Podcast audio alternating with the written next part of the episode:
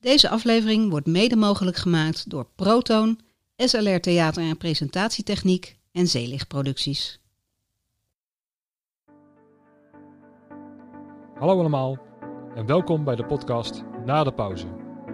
Ik ben René Verbinsbergen en in deze podcast spreek ik met verschillende mensen uit onze evenementenbranche. Producenten, muzikanten, leveranciers, technici, professionals die deze sector mogelijk maken en kleur geven. Ten tijde van deze opnames ligt de evenementenbranche stil door de coronamaatregelen. Hoe gaan deze stille krachten om in een uitdagende periode? Vandaag is de gast Ilja van Rossum. Ja. Welkom. Ehm, al twintig jaar actief bij ehm, festivals en concerten. De meesten zullen Ilja kennen als hospitality manager op onder andere Pinkpop, Paaspop, Lowlands, Down the Rabbit Hole, Best Kept Secret en diverse grote outdoor concerten geproduceerd door Mojo Concerts. Ze is 12 jaar hoofdproductie geweest bij de Echo in Utrecht. Tegenwoordig is Ilja buiten het festivalseizoen stage manager en host bij Tivoli Vredenburg. Nou Ilja, nogmaals welkom. Ehm, hoe gaat het? Nou, goed. Ja? Ja, lekker. Ja, wel en gezond. Ja, gezond, dat is altijd het belangrijkste. Dat zeggen ze inderdaad heel Ja. vaak. Ja, van hoe gaat die qua gezondheid? Zijn er mensen om jou heen eh, met coronaklachten?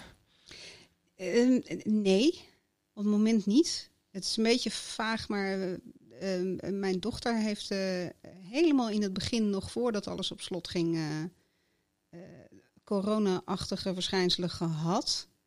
En eh, met haar enkele klasgenoten. Eh, maar we weten niet zeker of dat toen corona is geweest of niet. Eh, de, gezien de lijst van symptomen lijkt het daar wel op. Ja, Ehm, en eh, verder hoor ik op afstand wat, eh, wat mensen uit de omgeving waarvan ik weet dat die, eh, dat die klachten hebben gehad of, eh, of echt ziek zijn geweest. Eh, maar op het moment is, eh, voor zover ik weet, iedereen in mijn omgeving gezond. precies. Nou, voor mij geldt hetzelfde eigenlijk. Want er zijn heel veel mensen om me heen die denken van... oh ja, nou toen in februari had ik toch een beetje die klachten die inderdaad voorbij kwamen. En dan ga je alles ineens verdacht vinden. Van, oh, misschien heb ik het dan gehad. Ben ik dan nu immuun? Mag ik dan wel weer naar buiten? Ja, Ehm, ja. Dat soort verhalen. Eh, maar in mijn directe omgeving is er nog net niet echt iemand geweest die is opgenomen of zo. In een, Nee. Dus ehm, nou, gelukkig, dat is het belangrijkste. ja, precies. Ehm, wat doe jij in deze rustige tijden? Want normaal gesproken dan eh, ben je allemaal druk met eh, drank te verzamelen, in te kopen, rijders door te nemen en nou ja, alle, alles wat erbij hoort. Eh, heb je nu gewoon een schuur vol met drank staan? Nee, nee, want ik, ik koop het op het festival zelf eigenlijk in. Ehm, dus ik was daar nog ineens mee begonnen. Ik was net bezig met mijn bestellingen voor Paaspop. Ehm, ik had de eerste riders binnen en die was ik aan het doornemen.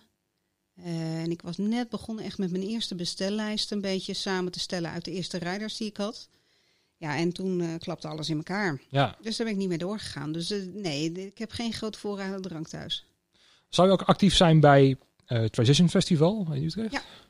Ja, ook. Ja, dat zou Ja. voor ons ook de, de eerste zijn waar we dan weer lekker naar, nou het is binnen, maar naar buiten mochten Ja, in feite. ja, een van de festivals. Ehm, toen, ik, toen dacht ik nog in het begin van, oké, nou die valt weg. Dat is jammer, maar dan zal het dan misschien daarna wel weer eh, Ja. op, op gang gaan of zo. Maar het is helemaal, eh, ja, helemaal niets eh, gebleken, dus dat is jammer. Maar ja, voorbereiding dus voor Paaspop was het. Ja, daar zat ik. nou, ik zat aan het begin daarvan, zeg maar. Dus dan ben je met, met leveranciers aan het bellen en aan het mailen over wat er mogelijk besteld kan worden. En met mensen binnen de organisatie van Paaspop over eh, wat gaan we waar neerzetten en hoe komt het eruit te zien en wat is er anders dan vorig jaar. En ja, in het geval van Paaspop ook vrijwilligers, eh, roosters en dat soort dingen.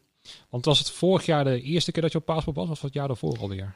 Eh, dit werd de vierde keer Iedere keer. Paaspop. Ja, Want vorig Ja. jaar zijn we elkaar nog tegengekomen. ja dat klopt. Ja. Toen was ik Ja. eventjes met Within Temptation was ik volgens mij Ja. Nee, ja, de vorig jaar was voor, ja, de derde keer. Daar zijn we een paar jaar geleden inge, ingestapt. Ja. fantastisch weer vorig jaar, kan ik nog goed herinneren. Ja, nou dit jaar ook. Jammer, maar eh, ja, nee, ik heb dat weekend echt wel even, ja. even om me heen gekeken dat ik dacht, oh, wat zou dit goed zijn geweest voor. Ja, heel jammer. Ben jij ehm, bang voor dit, dat soort organisaties van festivals, dat die dan op een gegeven moment ehm, ja, toch wel in de problemen gaan komen, doordat ze zeg maar dit jaar hebben moeten afzeggen? Nou, ja, ja, wel. Ehm, kijk, het meeste werk wat ik doe is, eh, is voor Mojo, eh, Friendly Fire. Ehm, dat zijn organisaties die kunnen het wel een poosje uitzingen. Maar ook niet eeuwig natuurlijk. En eh, die- zitten ook weer in het hele tourcircuit buiten festivals om. Ja, dat moeten we ook nog maar zien of en hoe en wanneer dat nog een keer op gang gaat komen. Ja, weet je, op een gegeven moment komt iedereen in de problemen, denk ik. Ja, want wij zijn afhankelijk natuurlijk van de organisaties hè, die dan alles organiseren en die dan onze eh, services nodig hebben. Ehm, nu is het natuurlijk op meerdere vlakken eh, wel een rare situatie, omdat misschien ook eh, leveranciers om gaan vallen. Ja. Hè? Dat, er, dat er geluidsbedrijven zijn, of, of ja, bedrijven zoals wij die hebben, dat die op een gegeven moment gaan denken van ja, dit duurt te lang, ik ga wat anders doen. Ja. Dat is dus ook, het is een hele ja, rare ik ben, balans Ik ben ineens. bijvoorbeeld heel benieuwd als, eh, als we ooit weer eh, aan de gang kunnen, eh, wie je dan weer terug gaat zien. Ook op het gebied van, van ZZP'ers zoals ik zelf. Ik heb op, op festivals een, een groep ZZP'ers voor mij rondlopen om, om uiteindelijk de hospitality uit te voeren. Ja, die, een deel daarvan heeft een, een baan naast dit werk. Maar een deel daarvan is ook echt gewoon festival freelancer. En ik verwacht dat daar wel een paar mensen tussen zitten die nu iets anders gaan zoeken en uiteindelijk besluiten om de veiligheid die ze daaruit gaan halen, omdat ze bijvoorbeeld een vaste baan hebben gevonden, om die vast te houden. Ja. Ja, dat zou ik ook goed begrijpen. Dus wat dat betreft eh, vind ik het wel interessant ook hoor, om te zien wie je nog terug gaat zien. Ja, het ligt ook aan wanneer je begonnen bent, denk ik, in het vak. En wat voor buffer je hebt opgebouwd. Want als je zeg maar, je bent 15 jaar lichttech bij drie, vier bandjes in, in, in, in Nederland. Ja, dan als het goed is heb je wel iets opgebouwd waardoor je nog een jaar kan uitzingen. Maar stel dat je net vorig jaar denkt van nou, ik ga lekker freelancen. En je moet dan wel opbouwen. Ja, maar het is natuurlijk ook in mijn eh, specifieke geval, ik ben freelancer. Ehm, ik had een aardig spaarpotje liggen, maar het doel van dat spaarpotje was in mijn geval eh, om dit jaar te investeren in een bus waarmee ik mijn spullen van en naar de festivals wat makkelijker kon rijden. En ik ben achteraf echt heel blij dat ik dat nog niet had gedaan. Nee, Ehm, want op dat moment eh, was dat spaarpotje in die bus gaan zitten. Had ik die weer kunnen verkopen en zo. Allemaal mogelijk. Maar eh, dan was mijn spaarpotje aardig leeg geweest. En dat had ik gedaan vanuit de gedachte dat ik die in het festivalseizoen zo weer had aangevuld. En aan het eind van de zomer was ik weer op het oude niveau van mijn spaarpotje geweest. ja. En dat is natuurlijk wat een heleboel mensen hebben. Die maken een spaarpotje of wat dan ook. Nou, dat loopt een beetje leeg. Maar je weet dat het seizoen eraan komt. En dan ga je weer ontzettend knallen. En daarmee vult zo'n spaarpotje zichzelf weer. Dat Precies. is toch in ons werk wel heel erg een beetje het ritme waar je vaak in zit. Ja, ja en als ik voor, me- voor mezelf eh, mag spreken. ehm, ik ben zelf negen jaar freelancer geweest. Een flinke buffer opgebouwd als freelancer. Eh, dus echt met de, ja, de tering gewerkt. Hoop opzij gezet. En op een gegeven moment kwam de kans om eh, ja, eh, eigenaar van Proton te worden. En dan moet je toch een flink deel van wat je, eh, wat je opzij hebt gezet investeren om Ja. door te kunnen in een bedrijf wat uiteindelijk op de langere termijn ehm, ja, heel stabiel is. Want hè, Proton is al minimaal 30 jaar echt al heel stabiel, altijd winst en zo. En dan komt ineens dit voorbij. Ja. Dus ik heb een jaartje soort van kunnen sparen, want ja, mij kennende, ik wil alles nog beter, nog mooier hebben. Dus dan ga je ook alles weer eh, proberen te investeren in mooiere spullen. Nou, dan staat het dan. Ja, ja, Heel mooi te is- wezen. En, Ja. en, en dat is een beetje het rare, want hè, ehm, eh, leuk hoor, een, een buffertje hebben. En dat, dat hebben we ook. En we gaan het ook wel redden. Maar het is makkelijker gezegd dan gedaan. Want we blijven natuurlijk ook investeren om, om, om beter te worden. Hè? Om een betere product eh, of een betere dienst aan te bieden. Ja, En het lijkt mij lastig, stel dat je gewoon een freelancer bent bij, bij, ja, bij een bandje. Ehm, zeg maar, je hebt gewoon je leven goed voor elkaar. Je hebt gewoon je aantal klussen. Eh, wat ook vrij onzeker kan zijn. Want gaat er een tour wel of niet door? Hè? Moet je dan misschien een toertje door gaan schuiven naar een andere freelancer, dat je die dan weer kwijtraakt? Ehm, en nu, heeft, nu is gewoon alles weg. Dus Ja. Dat, dat, ja, dat buffertje, ehm, ook al ben je 10 tot 20 jaar hierin bezig, het ligt er net op het moment aan waar je op dat moment in bevindt. Ja, en in die zin denk ik ook dat eh, dit is al niet direct eh, het wereldje waarin je topbedragen verdient. Nee. Dus het überhaupt het opbouwen van zo'n buffertje kan knap lastig zijn.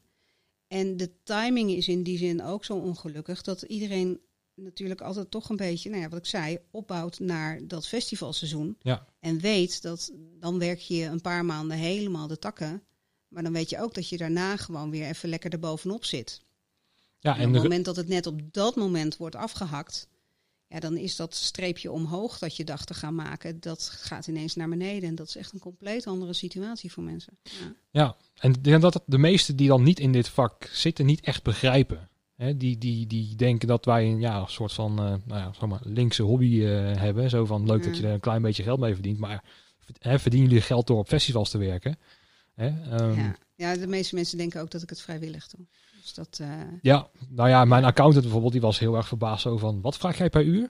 Ja. Die was echt zo van, eh, en zeker mijn freelance periode, ik denk dat de meeste freelancers tussen de 15 en 25 euro per uur misschien vragen, zoiets. ja, En- het hangt heel erg van de freelancer af, denk ik ook. En ook van de functie die je hebt. Absoluut, maar het zal niet richting een schilder gaan voor 50 euro per uur. Nee, zeker niet. Nee. Want, als, want dat, dat wordt ook een nieuwe situatie, denk ik. Als we weer mogen, hoe zien die eh, geldstromen er dan uit? Hè? Wat, wat, wat kan mensen dan weer vragen? Krijgen dan juist eh, de kant dat mensen duurder worden omdat ze weer een buffer moeten gaan opbouwen? Of wordt het juist goedkoper omdat mensen echt aan de slag willen en dan maar de goedkoopste willen zijn om aan de slag te komen? Nou ja, ik vind het ook lastig, want daarbij moet je bedenken dat de organisaties die dat geld moeten gaan betalen uiteindelijk, zijn ook degene die nu de klappen krijgen. Want dat zijn de festivals, de podia en de, de bandjes. Ja, Ehm, dus in die zin denk ik dat eh, mensen wel kunnen proberen om hun tarieven wat hoger in te gooien. Maar dat ik nog maar moet zien of, eh, of degene die ze moeten gaan betalen dat ook kunnen uiteindelijk straks.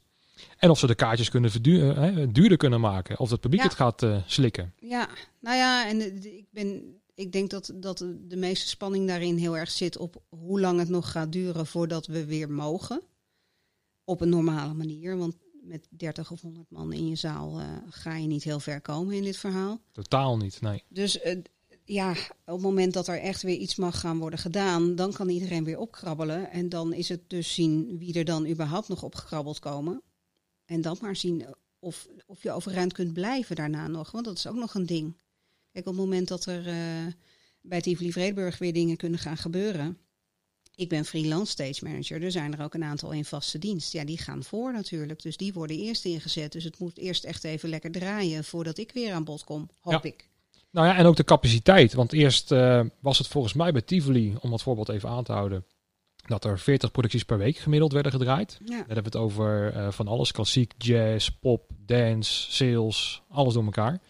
Maar die capaciteit zal ook wel flink worden verminderd in het begin. Dus ik denk dat we echt naar een diep dal gaan waar we dan langzaam weer uit gaan komen. Dus ja, ook voor volgend jaar de zomer, waar je dan weer wat tegen compenseren. Ja, hoeveel festivals zijn er nog over? Hoeveel kunnen zich nog verzekeren? Ja, hoeveel kunnen zich nog verzekeren? Ehm, hoe groot mogen ze nog? Want dat zie ik ook nog wel gebeuren, dat daar zoveel paal en perk aan wordt gezet, dat het echt hele kleine maatwerkdingetjes gaan worden. Ja, het, het is zo koffiedik kijken voor iedereen nu. Ja. En dat merk je wel heel erg. Dat met name de, de onzekerheid en het geen idee hebben waar je aan toe bent, dat maakt het heel lastig voor veel mensen, merk ik. Ja, en daarom dat ze misschien ook wel gaan afhaken. Ja. Zeg maar over een paar maanden. Dat ze denken van ja, dat is leuk en aardig. Hè, over, en 1 september mogen we alweer, zeg maar, hè, dat perspectief krijgen we dan. Maar ik, ik heb ook al ehm, eh, een bericht gehoord eh, in het nieuws. Daar gaan we nu even naar luisteren. Dat er is pas ehm, een mogelijkheid om alles weer massaal te doen als er vaccin is. Grote evenementen, zoals festivals, mogen pas weer doorgaan als er een coronavaccin is.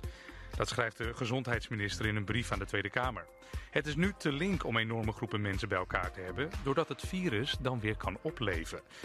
Maar wanneer dat vaccin er is, weet hij niet. Het zou nog wel eens minimaal een jaar kunnen duren. Sportwedstrijden kunnen na 1 september wel weer, zoals voetbal, maar dan zonder publiek.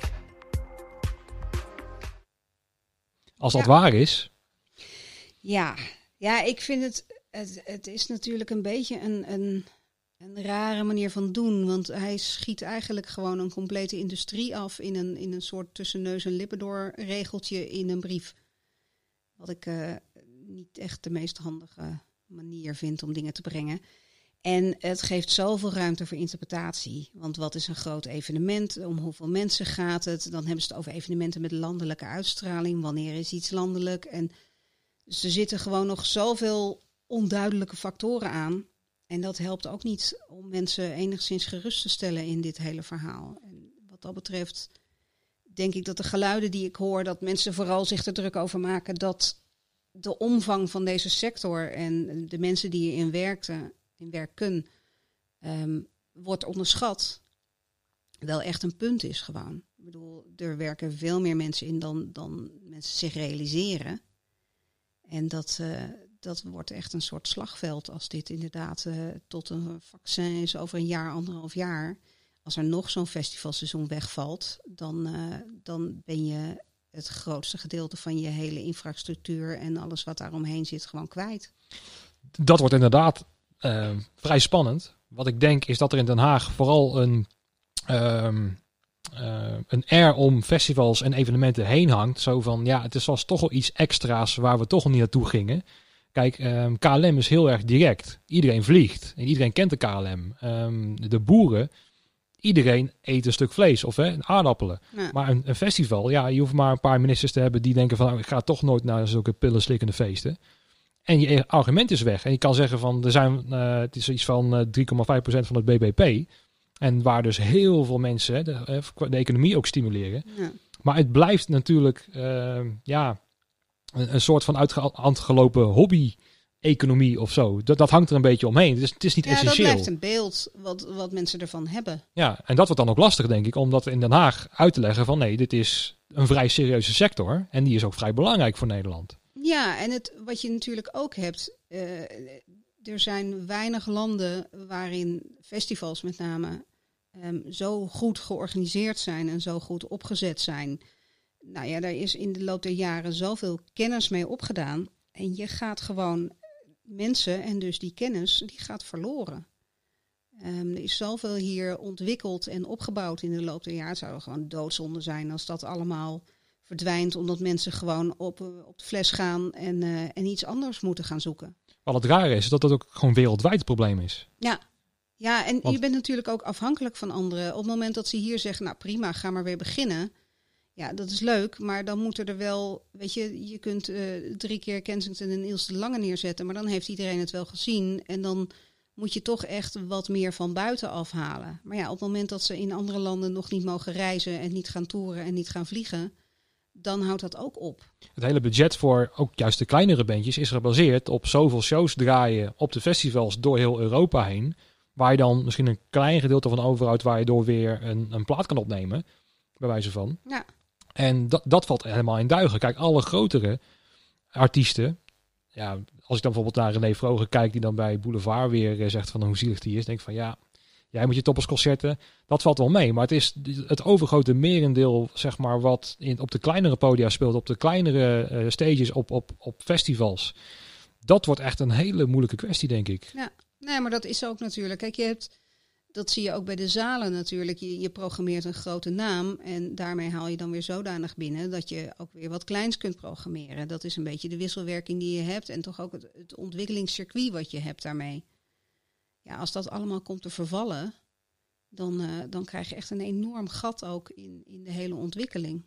Ja, wat ik ook denk is dat de, de overheid ehm, de orkesten wel gaat steunen bijvoorbeeld. Weet je, Ja. die al jarenlang su- subsidie krijgen. Koninklijk Thea- Theater Carré zal ook wel gered worden. Eh Tivoli, dat zal ook wel goed gaan, denk ik. Want ja, de, de gemeente heeft ook super veel belang bij dat het pand gewoon Ja. doorgaat. Hè? En er is ook een uitstraling voor Utrecht. Maar als je gaat kijken naar de kleinere popzaaltjes die toch al een beetje eh, ja, moi moi draaiden. Hoe zal dat gaan? Ik denk dat, dat er in dat, eh, zeg maar in het kleine circuit van, van, van de markt, dat daar een behoorlijke kaalslag eh, Ja, dat denk ik ook wel. gaat Ja. plaatsvinden. Ja, en ik denk dat dat wel ook het, het risico is wat je krijgt. Dat juist de kleinere plekken waar, waar de bandjes oefenen en opkomen en hun ervaring opdoen. ehm, ja, als dat allemaal weg gaat vallen, dan krijg je die aanwas ook niet meer naar de wat grotere zalen toe. Bij een Tivoli Vredenburg heb je natuurlijk meerdere maten zalen. Dus kun je die opbouw eigenlijk binnen je pand enigszins. Maar dan nog steeds heb je plekken nodig als DB's, als Echo, als de Helling om, om die groei daar naartoe, zeg maar, te realiseren. En op het moment dat daar echt hele gaten in gaan vallen, ja, gaat er heel veel vallen, denk ik. Ja, Dat denk ik ook, ja. Ja. Want als we bijvoorbeeld naar jou eh, eh, kijken, je had het echt voor mij een perfecte balans gevonden tussen hè, eh, het Ja. werken op festivals, hè, heel druk erbij zijn, en in de rustigere tijden, dat je dan bij Tivoli of host of stage manager, hè, gewoon op de zondag, kan maar nog een dienst herinneren dat wij nog een jazz dingetje deden in de Cloud9 volgens mij. ja, Zeg maar perfecte opvulling om gewoon eh, eh, en bezig te blijven, wat leuk is. Maar ook gewoon continuïteit van, van stroom van geld binnen te krijgen. Ja. En ehm, waar, waar zie jij de meeste kans in dat, waar je weer aan de slag kan? Is dat juist op de evenementensector en jouw hospitality, zeg maar, wat, wat jouw specialisme is? Of zie je het juist meer op die kleinere dingetjes die, we, eh, die in Tivoli gebeuren? Nee, ik, als er alweer wat gaat gebeuren, begint het op dat soort plekken. Dus bij de kleinere, de kleinere evenementjes in zalen en zo. En dat zal ergens. Ik verwacht niet dat het voor januari 2021 gaat gebeuren. Maar goed, dat is nogmaals koffiedik kijken. Ehm, en het enige wat ik kan doen is hopen dat er volgend jaar weer een festivalseizoen zal zijn. Ja. En als ik tot die tijd, uh, nou ja, het liefst ben ik dan gewoon binnen uh, mijn werkveld gewoon bezig bij Tivoli Vredeburg of op een of andere manier. Ja, en als dat niet gaat, dan moet ik dus ook gewoon uh, wat anders gaan doen. En dan het liefst tijdelijk tot we weer mogen. Um, maar ja, op een gegeven moment moet ik ook een hypotheek betalen en, en moeten er gewoon brood op de plank komen. Ja. En dan moeten we gewoon zien wat je kunt doen.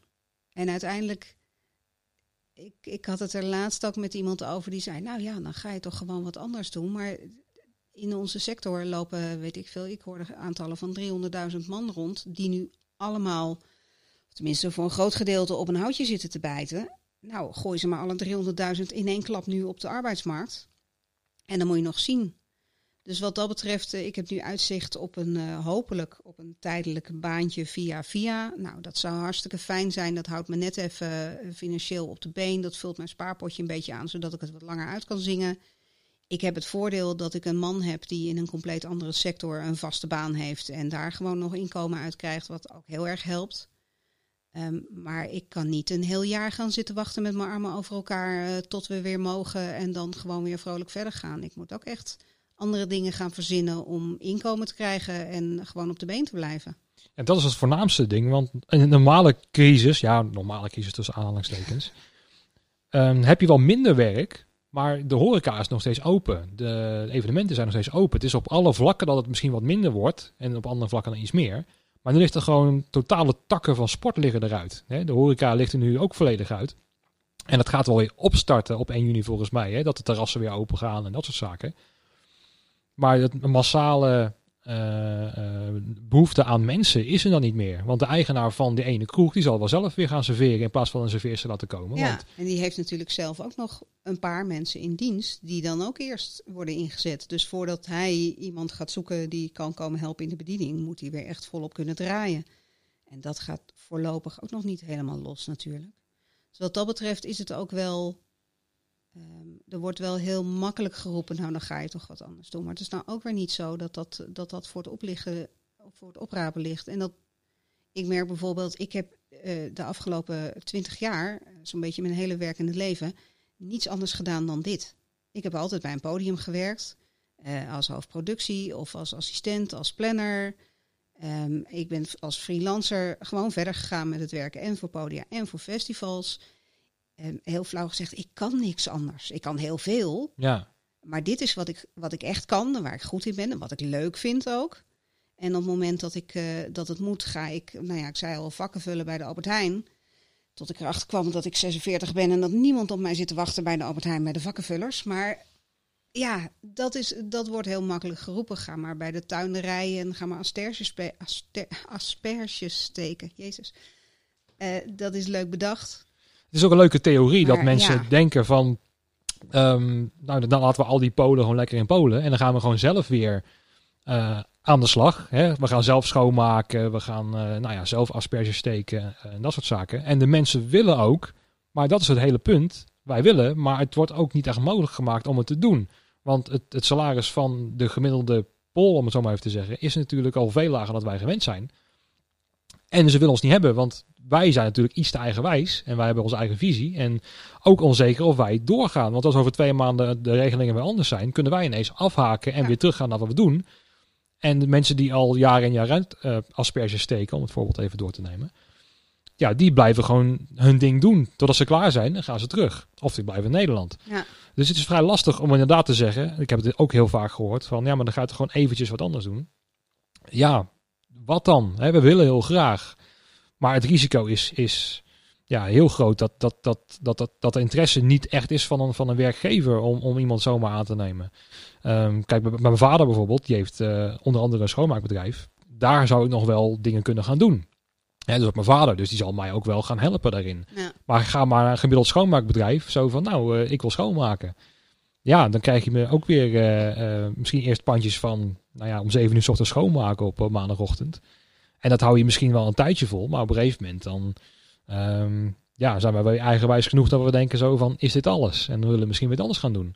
En, ja, en het is ook natuurlijk, ik denk dat, dat een, een werkgever ook wel heel goed doorheeft dat, dat iemand uit onze sector niet heel snel voor een vaste baan in de komende paar jaar en een hele carrièreopbouw daar komt zitten. Ik denk dat het grootste gedeelte nu echt op zoek zou zijn naar iets tijdelijks om te overbruggen in de hoop dat we straks weer kunnen. Ja.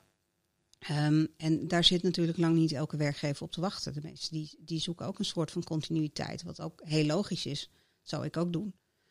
Um, dus in die zin is het wat moeilijker dan in eerste instantie wordt voorgesteld. Um, maar aan de andere kant denk ik ook, ja, het zijn wel allemaal ontzettende aanpakkers in deze branche. Dus die moeten ook wel iets gaan doen. Want ik merk het aan mezelf ook. Ik zit nu uh, acht, uh, acht weken thuis met mijn man en mijn kinderen. Die zijn hartstikke leuk. Maar ik begin wel te bang van de muur te krabben onderhand. Uh. Ja. En Nou ja, dat, het dat energie- op een keer. Ja. Het energielevel van de gemiddelde eh, ja, mensen die in de evenementensector werken, ook als je bijvoorbeeld op festivals kijkt, ja, dan werken tussen de 12 en de 15 uur per dag, drie, vier dagen achter elkaar. En het lijkt alsof wij zeg maar, daar meer energie uit krijgen dan, dan dat het energie kost. Want het is zo voldoenend om in zo'n sector te werken. En dat is ook weer heel raar, want wij kunnen natuurlijk wel veel meer verdienen op andere vlakken als wij zeg maar economie hadden gestudeerd of dat soort zaken. Maar daar waren we niet gelukkig van geworden. Wij, waren, wij zijn heel gelukkig door op festivals te werken. Daar krijgen wij ook heel veel energie uit. En dan verdienen we maar wat minder. Maar ja, dat is zo'n leuke wereld om in te werken. Dat kunnen anderen weer niet voorstellen. Hè, als ik dan Nee, bijvoorbeeld de verhalen is- ga vertellen aan mijn ouders. Oh, en van waar ik, hè, eh, waar ik dan elk weekend weer naartoe ga naar welk festival. Ja, ik ga, kom met een, met een lach op mijn gezicht kom ik bij mijn ouders gewoon even eten. Ja, dat kan ik van de, de gemiddelde werknemer niet zeggen in Nederland volgens mij. Nou ja, dat hangt natuurlijk helemaal vanaf. Maar het, juist het hele in korte tijd iets neerzetten en daar samen heel erg aan bouwen, maakt dat je heel erg samen aan het werk bent. Ehm, ik heb mijn, mijn eigen team freelancers die ik meeneem naar festivals in wisselende samenstellingen. ehm, om de kleedkamers te bevoorraden en al dat werk te doen. Ja, dat is gewoon een hartstikke leuke ploeg. En ik vind het altijd heel grappig, want je zet, ik, ik kies ze zelf uit. En dat gaat een beetje willekeurig. Wat mensen die ik van Tivoli Vredenburg ken. En wat mensen die ik nog uit mijn tijd bij Echo ken. Eh, iemand die ik zo ergens op een ander festival tegenkom en denk, oh, die is leuk en die werkt hard en die zeurt niet. En eh, nou ja, zo handpik je overal mensen vandaan. En die prop je vervolgens ergens in een bungalowpark in the middle of nowhere. Waar dat ze, nou, als ze geluk hebben, een paar uur per nacht kunnen slapen. En vervolgens de hele dag flink door moeten bikkelen op zo'n festival. En in mijn geval wil ik dan ook nog dat ze heel lief en vriendelijk naar de artiesten toe glimlachen. En alle problemen oplossen. En zich eh, drie slagen in de ronde sjouwen aan treetjes bier en water en andere drank. En de sfeer is altijd goed. Het is altijd gezellig en eh, iedereen heeft het hartstikke naar zijn zin. Doet ook vreselijk zijn best om elkaar te helpen. En dat, dat is iets heel raars en heel bijzonders. Ja, want wij hebben vaak een, een, een doel buiten onszelf. En wij zorgen ervoor dat die artiesten het naar hun zin hebben. Ja. Bijvoorbeeld, ik kan backline veel beter vergelijken met eh, hospitality dan met audio bijvoorbeeld. Eh, Ja. En waarom? Bij ons is het ook zo dat eh, die drummer wil die type stokjes hebben. En, en, en die gitarist wil toch die eh, eh, snaren op zijn gitaar hebben. Ehm, of die versterker. Of die, die. Het is heel erg niche waar wij ook in zitten. Dus ik kan dat, dat deel kan ik heel goed begrijpen. Dat dat heel erg voldoenend is. Dat als, een, als er een bandje bij wijze van spreken in de kleedkamer komt. Dat die denken zo van. Oh wauw. Ja. Er staat wat wij hadden gevraagd. Ja. Dat ze daar gewoon heel erg ontspannen binnenkomen van. Hè, hè, onze rijder is gelezen. En als je, dat je ze daarmee helpt. Dat geeft ons heel voldoening. Ehm, en dat, dat vind ik het mooie aan ons vak. Zeg maar, dat je gewoon anderen weer blij kan maken met jouw diensten en spullen die jij hebt. Ja, En- ja, en dat, kijk, het, zeker bij hospitality, dat is natuurlijk de essentie van wat we doen. Ehm, en voor mij, ik vind dat ook het leukste. Ehm, en dat is ook uiteindelijk het doel. Ik heb ooit heel hard geroepen tegen iedereen de hele tijd, blije band spelen beter. Eh, maar dat is natuurlijk wel zo. Op het moment dat iemand gewoon een goede dag heeft. En festivals zijn pittig voor bands. Meestal zitten ze een hele nacht in een bus. En dan komen ze 's ochtends om zeven uur ergens een of ander grasveld opgereden in de middel of niks. En dan moeten ze maar weer zien waar ze zijn en in welk land überhaupt. Laat staan dat ze weten waar de catering is en hoe ze aan koffie moeten komen. En een hete douche, want dat is het eerste wat je wil als je zo'n zo'n bus uitkomt gerold. En eh, voor mij is het de sport en de lol om juist te zorgen dat dat er is. En dat ze dat makkelijk kunnen vinden. En dat ze dan vervolgens ook een vriendelijk gezicht te, zien krijgen. Die zegt, joh, heb je zin in een ontbijtje? We hebben hier even wat staan.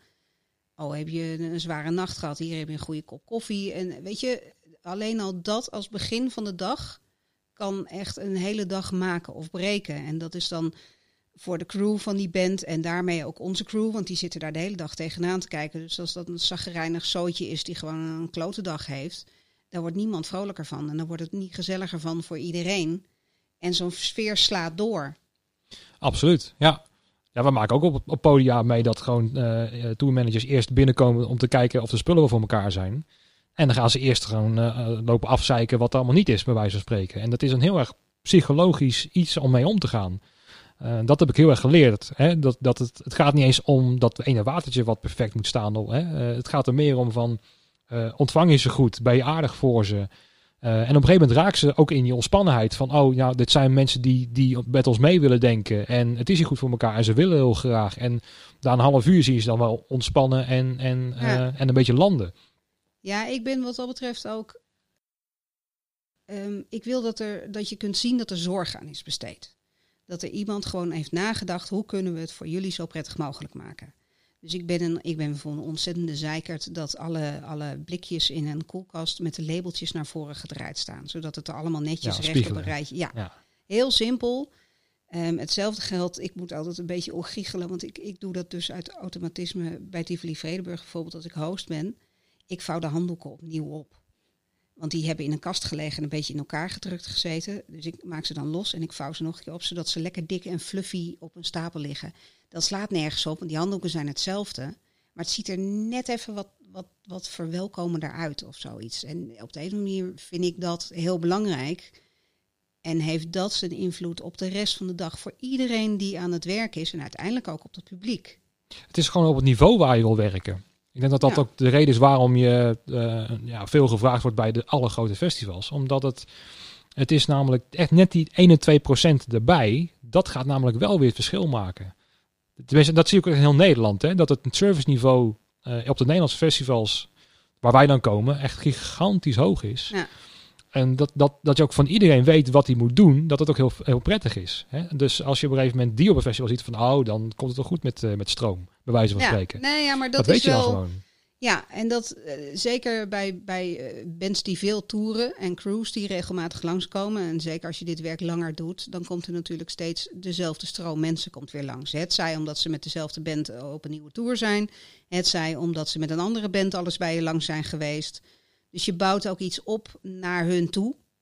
Waarbij je inderdaad ook gewoon krijgt dat, dat een tourmanager binnenkomt en ziet, oh ben jij er? Oké, nou dan geloof ik het wel. Dan ga ik ook niet alles nalopen, want dan komt het wel goed. Ja, dat is een prettig gevoel voor hem, want hij komt binnen en denkt: oké, nou, dit wordt een relaxe dag, fijn. Ja, dat, dat is voor hem prettig en dat maakt het voor ons natuurlijk ook honderd keer beter. Absoluut, ja. Ik heb ook een, vraag, een vraag klaarstaan, want ehm, niet iedereen die zal kijken, die, eh, die zal precies begrijpen wat is hospitality. Dus stel, hè, mijn Mhm. moeder zit te kijken. Ehm, kan jij uitleggen wat dat precies inhoudt, zeg maar? Want het klinkt heel makkelijk van, nou, er zitten gewoon een paar colaatjes in de koelkast en eh, nou ja, daar, eh, daar kan je douchen en eh, daar is de wc en succes Ja. ermee. Ehm, het, het is wat gecompliceerder dan dat. Kan jij het misschien uitleggen dan, zeg maar, aan iemand die dan totaal nooit op een festival backstage is geweest, hoe dat werkt? Nou ja, wat ik al zei, ehm, voor een band en ook voor de crew van die band, die komen aan op een plek waar ze nog nooit zijn geweest over het algemeen. Hebben geen idee waar ze zijn en wat, wat er die dag gaat komen, maar. Ehm, dus waar wij voor zorgen is eigenlijk de ontvangst van die band vanaf het moment dat ze het terrein opkomen. Ehm, en dat doen we door ten eerste proberen zo duidelijk mogelijk te maken waar ze zijn moeten en wat de bedoeling is. Nou, gebeurt dat al vaak vanuit het festival zelf. Ehm, maar dat is wel iets waar we erg achteraan zitten. En vervolgens zorgen we gewoon dat de omgeving zo prettig mogelijk is. Nou, dat verschilt per festival, want de organisatie moet daar ook gewoon in willen investeren en actie op ondernemen. Ehm, maar we zorgen vaak dat er een, een, een fijne omgeving is. Rust, eh, een terras of iets dergelijks. Voor iedereen een kleedkamer. Die kleedkamer gewoon zo rustig mogelijk ingericht. Uh, maar wel met de spullen waar ze om hebben gevraagd. Um, dat de douches heet zijn en niet uh, van die waar dat je op een knop drukt en er komt zo'n lauw piestraaltje uit. Want dat is gewoon net wat minder fijn. Uh, wat super belangrijk is voor iedereen in het werk is hele goede koffie. Die gewoon heet moet zijn en aanwezig. En wij zorgen vervolgens dat zij zo goed mogelijk op gang worden geholpen met hun dag. Um, en als dat is dat er uh, gitaarsnaren op zijn en dat er iemand moet worden gezocht uh, die wel die snaren heeft, gaan we daar achteraan. En um, als uh, de zanger een raar hoesje heeft en toch even naar zijn keel wil laten kijken, zorgen wij dat er een arts bij komt. Maar het is ook dat de, de drummer zo'n vaste hardlooprondje wil gaan doen. En dat wij dus een route in de omgeving voor hem uitzoeken, zodat hij op zijn gemak een rondje kan rennen. Of de nagelstilisten voor de vrouw van de zanger, dat soort dingen. Um, en het is vooral heel veel gewoon vragen beantwoorden. Want ze weten uiteindelijk nauwelijks waar ze terecht zijn gekomen. Dus ze willen weten, waar, waar is het podium? Um, ik heb hier prachtige kleedkamers, hartstikke leuk. Maar uh, ik ben de technicus en ik moet nu naar front of house. Hoe kom ik daar? En uh, wie is dan de stage manager en hoe vind ik hem en uh, waar haal ik dat vandaan? Um, al dat soort zaken komen uiteindelijk in eerste instantie bij ons terecht. Want het is de eerste plek waar ze komen. Of ze gaan rechtstreeks naar het podium, of ze gaan naar het kleedkamergebied. En dan zijn wij gewoon het gezicht daar die ze zien. En um, ik vergelijk tourmanagers uh, vaak met ganzenkuikentjes. Oké. Okay. Die komen uit het ei en hechten zich aan de eerste persoon die ze zien. En daar lopen ze dan de rest van de dag achteraan. En wat tourmanagers vaak hebben, die komen een festivalterrein op. En de eerste die ze dan zien en die ze van informatie kan voorzien, dat is hun ganzenmoeder voor die dag. En wat je bijvoorbeeld ziet is, ik heb een team op festivals. Dus we zijn met, met nou, sommige festivals zes, sommige mensen twaalf, sommige festivals met 19 man.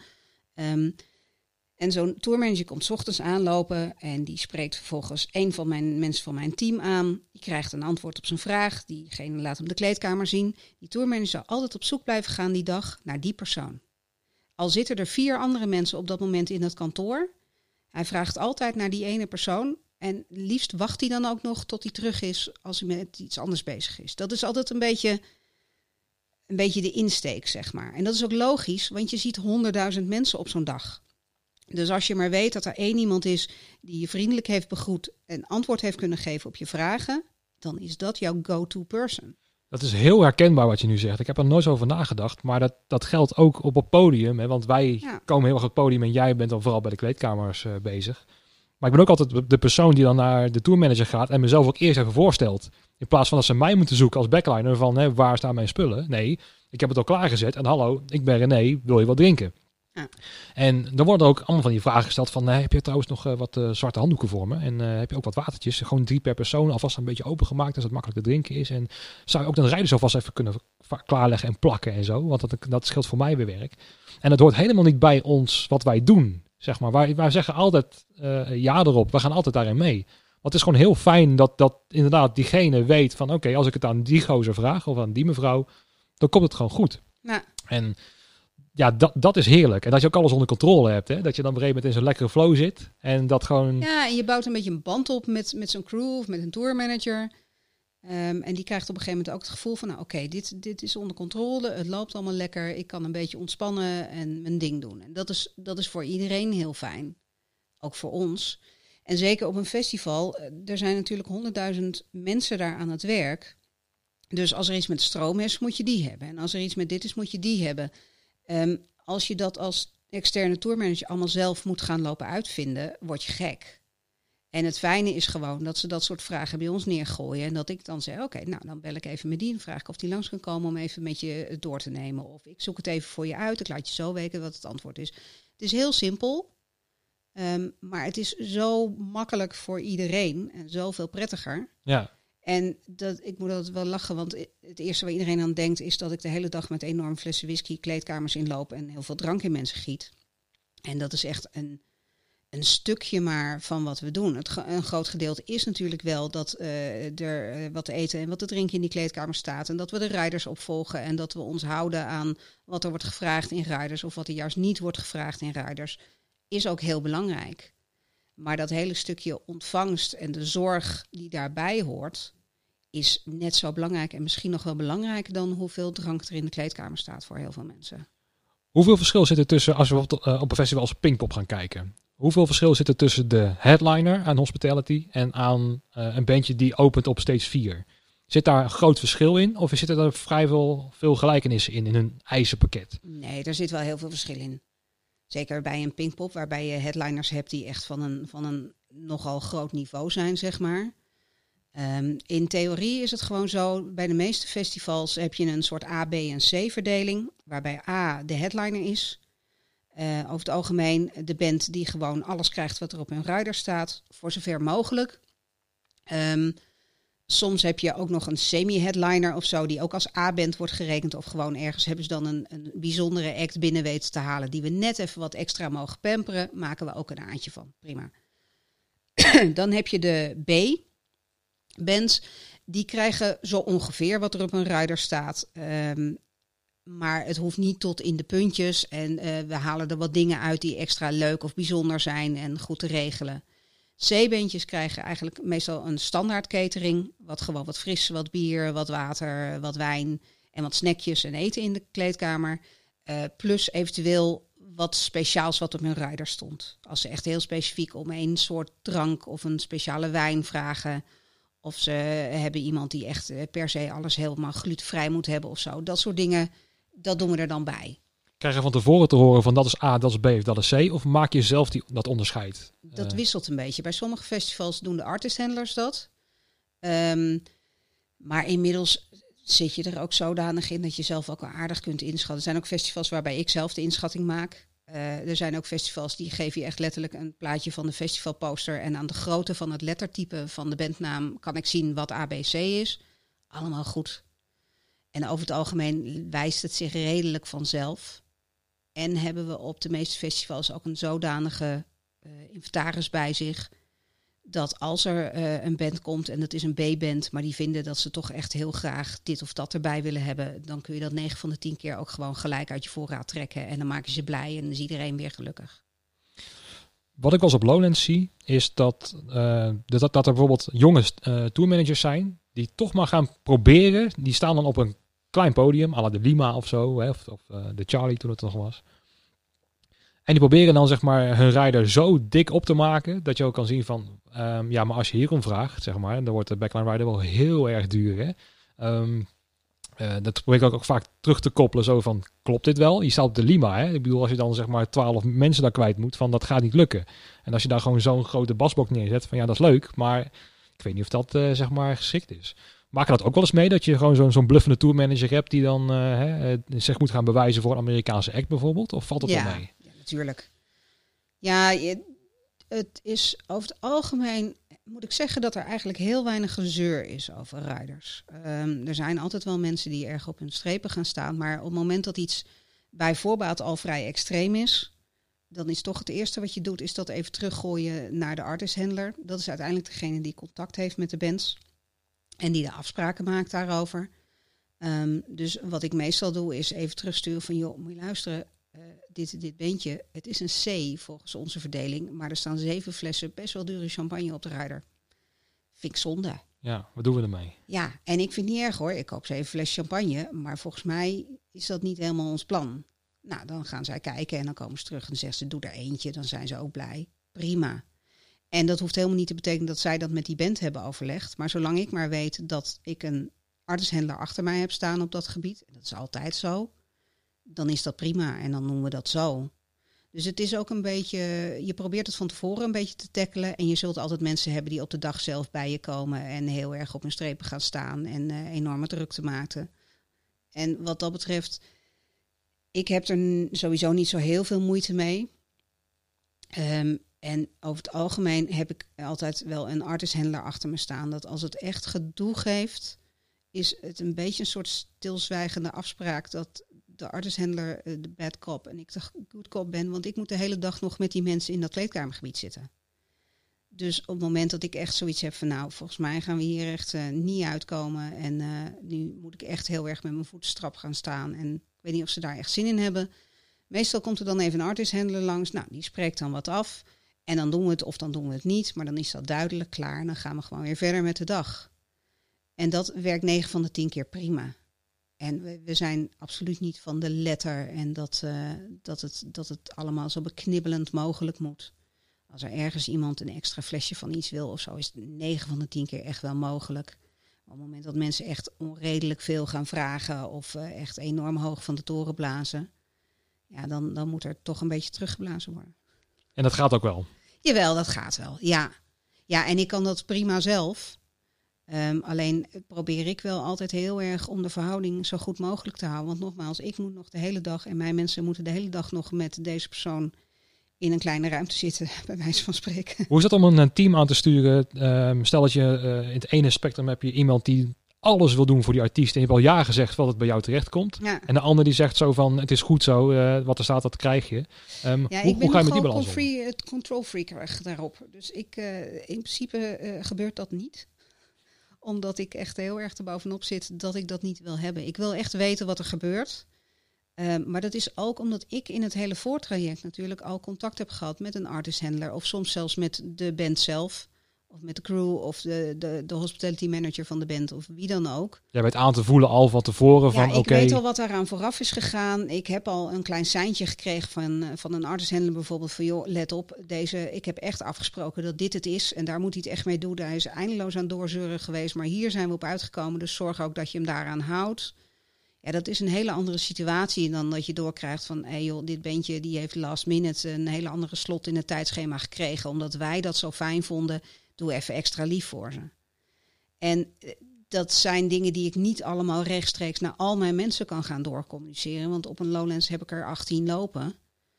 Um, dus ik wil echt dat ze... Kijk, een extra flesje wijn hier en daar geven, tuurlijk. Mag iedereen doen. Maar op het moment dat er echt, echt dringende verzoeken zijn of echt dingen lopen, wil ik dat gewoon weten en wil ik daar een klap op geven. En dat weten ze. Dat is lastig ook hoor. Want uh, de eerste neiging van iedereen in mijn team is om mensen het, het naar de zin te maken. Dus het is al moeilijk genoeg om, om, om nee te moeten zeggen. Maar dat is ook wel. Ik heb dus een verbod op nee zeggen.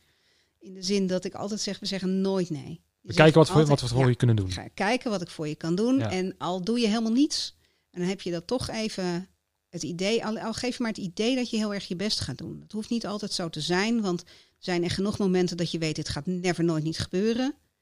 Oké, dan geef je er even de tijd voor. En dan maak je er een goed verhaal van. Nee, het kan niet.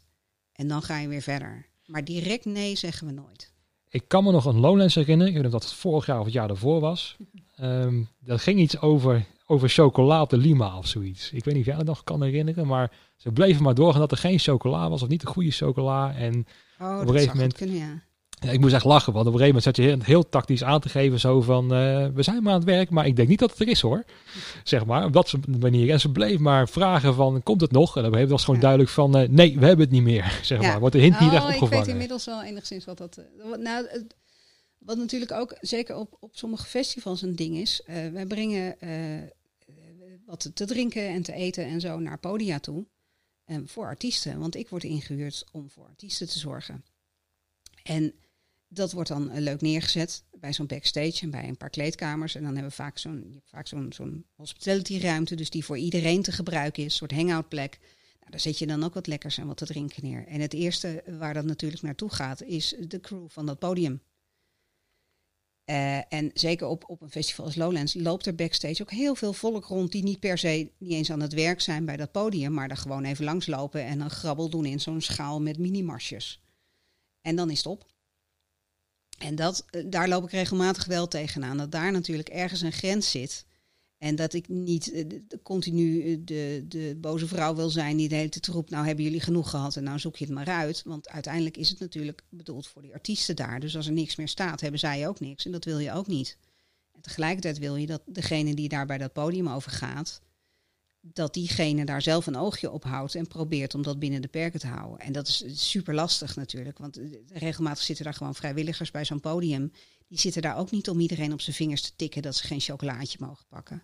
Nee, en het verschilt ook weer per jaar welke vrijwilliger daar kan zitten. Ja. Bijvoorbeeld. Dus dan heb je iemand die het eigenlijk een beetje in de gaten heeft na, na drie dagen Lowlands. En dan komt volgend jaar weer iemand die dan denkt zo van, eh, ja, waar zijn de marsen? Ze Ik zijn festivals waar dat elke dag iemand anders is.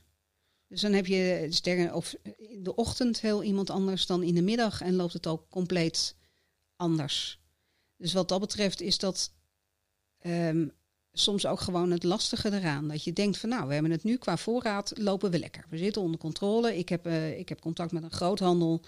Um, waarbij ik dan in het weekend nog een extra nabestelling mag doen. Want dan heb je meestal vrijdag de eerste festivaldag gehad. En dan zijn er dingen veel harder gelopen dan je dacht. Want het is heel mooi weer. Dus iedereen eet zich ineens helemaal ongans aan de watermeloen of uh, ik noem het maar even wat. Dan denk je, nou, misschien toch, uh, ja, toch nog bijbestellen, toch nog niet. Nou, je wilt toch de kosten een beetje binnen de perken houden. Sommige dingen kun je retour doen, maar sommige dingen ook niet. Dus je probeert dat toch een beetje te sturen, zodat dat binnen, de, binnen je marge blijft eigenlijk. Ja. En je gaat ook niet onbeperkt alles maar bestellen, bestellen, bestellen. Dus je probeert dat een beetje zo te verdelen van nou, vandaag hebben ze ongeveer dit verbruikt, dus dan zal dat morgen ongeveer zo blijven. En dan komt er de dag daarop, staat er iemand anders daar. En die blijkt gewoon drie keer zoveel te hebben verbruikt. En, uh, en per ongeluk ook alvast de voorraad voor zondag op te hebben gemaakt. Ja, dat gebeurt. En dan moet je daar heel snel op anticiperen. En alsnog zorgen dat je het in huis hebt. Want op zondag, ja, het is niet de bedoeling dat je dan zegt... nou jongens, het is de laatste dag van het festival, alles is op. Hier moeten jullie het mee doen. Dat ga je niet doen. En misschien zijn dat wel de belangrijkste bands die dan komen bij wijze van spreken. Bijvoorbeeld. En ja. uiteindelijk is elke band belangrijk. Tuurlijk, dus in die ja. zin wil je gewoon dat de band op de laatste dag... op de laatste moment van de avond van de zondag... Uh, nog steeds een, uh, een goed gevulde kleedkamer heeft. Met dezelfde service krijgt als de eerste, zeg maar, op tuurlijk. vrijdag. Ja. Ja, dus wat dat betreft is dat, uh, is dat ook gewoon heel erg zoeken. En je bent ook volkomen afhankelijk vaak van, van allemaal andere mensen die niet specifiek onder jou vallen. En die je ook niet zelf hebt geselecteerd. Want ik ben natuurlijk een ontzettende piepert in de mensen die ik zelf meeneem. Maar de mensen daaromheen heb ik nul invloed op. En ja, die, die probeer ik zo goed mogelijk dan te instrueren. ja. Maar ja, die doen natuurlijk lang niet altijd hoe ik het wil. Dat is ook wel logisch. Ja. Wat zou jij niet missen na deze crisis? Wat, als er iets is wat jij mag kiezen, zo van oké, nou, als ik op het festival kom, uh, dat mag voor mij echt wel achterwege blijven. Wat zou dat dan zijn? Oh, wat een moeilijke. Dus als ik weer begin met een festival, dan zou er één ding. Nou, het is ik ben er natuurlijk altijd als het festival nog wordt opgestart. Um, een paar dagen voordat het festival begint, kom ik meestal als het op vrijdag begint, ben ik er op dinsdag of woensdag. Um, en dan wordt alles natuurlijk nog opgebouwd. En bij de een ben ik dan wat meer prioriteit dan bij de ander, zeg maar. Um, en ik ben dus volkomen afhankelijk van allerlei leveranciers. Dus ik kan heel leuk een enorme bestelling binnen laten komen. Maar als er nog geen stroom op mijn koelcontainer staat, sterker nog, of de koelcontainer staat er nog niet, is dat echt een stuk lastiger. Ja. Dus in, in die zin, die eerste dag is vooral heel erg achter allemaal mensen aanjagen. In de hoop dat ze me willen helpen om mijn, mijn spullen op orde te krijgen, zeg maar. Meestal heb je alles al getackeld voordat vrijdag gaat beginnen. Ja, ja, je bent natuurlijk al veel verder van tevoren alles bij elkaar aan het zetten en uit aan het zoeken en aan het verdelen over het hele festivalterrein over het algemeen en over het kleedkamergebied. En ja, daar heb je gewoon een paar dagen voor nodig. En om daarmee te beginnen trek ik echt, ik trek ook over het algemeen die eerste dag gewoon puur uit voor alles op zijn plek krijgen. En werkend. En dat geldt ook voor stroom op elke kleedkamer, zodat de koelkast het doet. Want als ik daar vervolgens een groenteschoteltje in zet, heb ik daar niks aan als daar geen stroom op zit. En dat geldt ook voor, uh, voor het internet, want ik bestel me helemaal ongans op het internet. Dus dan is het echt heel handig als dat daadwerkelijk werkt in mijn kantoor. En dat zijn dingen die, die moeten eigenlijk overal altijd weer opnieuw worden uitgezocht en opgestart. En dat gaat de ene keer heel makkelijk en de andere keer niet. Maar dat is, nou ja, daar ben je echt heel veel tijd aan kwijt. Ja, ja. Maar er zit er nog niet echt iets tussen waar je denkt van nou, eigenlijk loopt alles wel zoals je, zoals je zou willen op een gemiddeld festival. Jawel. Ja, en uiteindelijk is zelfs dat, uh, want dat is wel iets wat, wat ingewikkeld is en af en toe een beetje irritant. Maar het is ook wel weer leuk, want daardoor ga je iedereen langs. En je spreekt iedereen weer even. En je bent even het hele terrein over geweest om uit te zoeken wie waar zit en wat ze allemaal. En dat maakt het ook wel weer leuk. Dus uiteindelijk, als we weer mogen beginnen, er is helemaal niks wat ik niet zou willen. Als het perfect zou zijn, dan hadden wij misschien ook helemaal geen werk gehad misschien. Nee, ja. nee. En het is eigenlijk alleen maar leuk, want uiteindelijk is het leukste aan dit werk dat het niet helemaal gaat zoals je had bedacht. En dat je dus moet zorgen dat het alsnog weer goed komt. Nou, en dat verbaast me bij sommige bands wel, dat die dan alles al op een clicktrack hebben staan of hè, alles al als backup hebben meegenomen of koortjes die dan meelopen. En ik heb zelf meegemaakt op Vliegende Vrienden in Zwolle. Toen was ik met eh, Chef Special mee. Die deden een, eh, een optreden samen met Bluff. En wat was het tweede optreden? Dus de eerste liep voor mij perfect. En wij hadden dan de tweede met de hè, extra backline en zo. En ehm, ik wist dat, dat op een gegeven moment, eh, nou, uh, de clicktrack, uh, die werkt niet.